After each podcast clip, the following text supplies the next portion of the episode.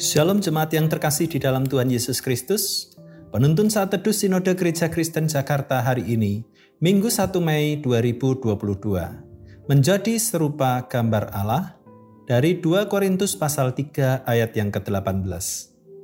Dan kita semua mencerminkan kemuliaan Tuhan dengan muka yang tidak berselubung, dan karena kemuliaan itu datangnya dari Tuhan, yang adalah roh, maka kita diubah menjadi serupa dengan gambarnya dalam kemuliaan yang semakin besar.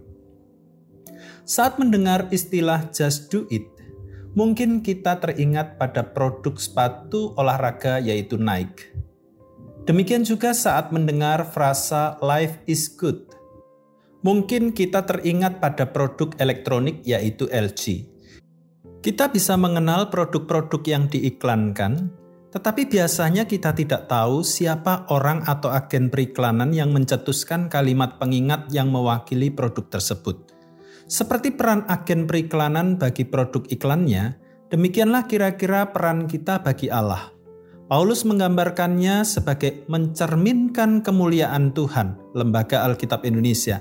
Dalam terjemahan lain, misalnya versi King James, dikatakan memandang kemuliaan Tuhan seperti di dalam cermin versi Alkitab manakah yang betul?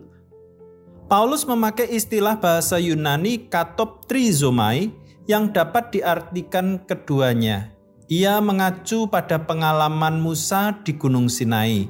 Di atas Gunung Sinai, Musa memandang sekilas kemuliaan Allah. Ketika ia turun dari gunung, cahaya muka Musa begitu cemerlang, sehingga mata orang-orang Israel tidak tahan menatapnya. Di ayat yang ketujuh.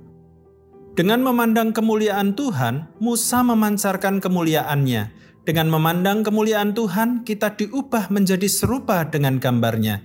Sebagai anak-anak Tuhan, kita bisa memiliki hidup yang mencerminkan dan memancarkan kemuliaan Tuhan. Bagaimana caranya? Yaitu dengan memiliki hidup berpusat pada Tuhan. Hidup berpusat pada Tuhan dilakukan dengan memiliki waktu khusus untuk bersekutu secara pribadi dengan Dia. Selanjutnya, dalam interaksi keseharian dengan sesama, kita mesti mencerminkan kemuliaan Tuhan melalui sikap, pikiran, ucapan, dan tindakan kita. Nama Tuhan akan dipermuliakan melalui kita.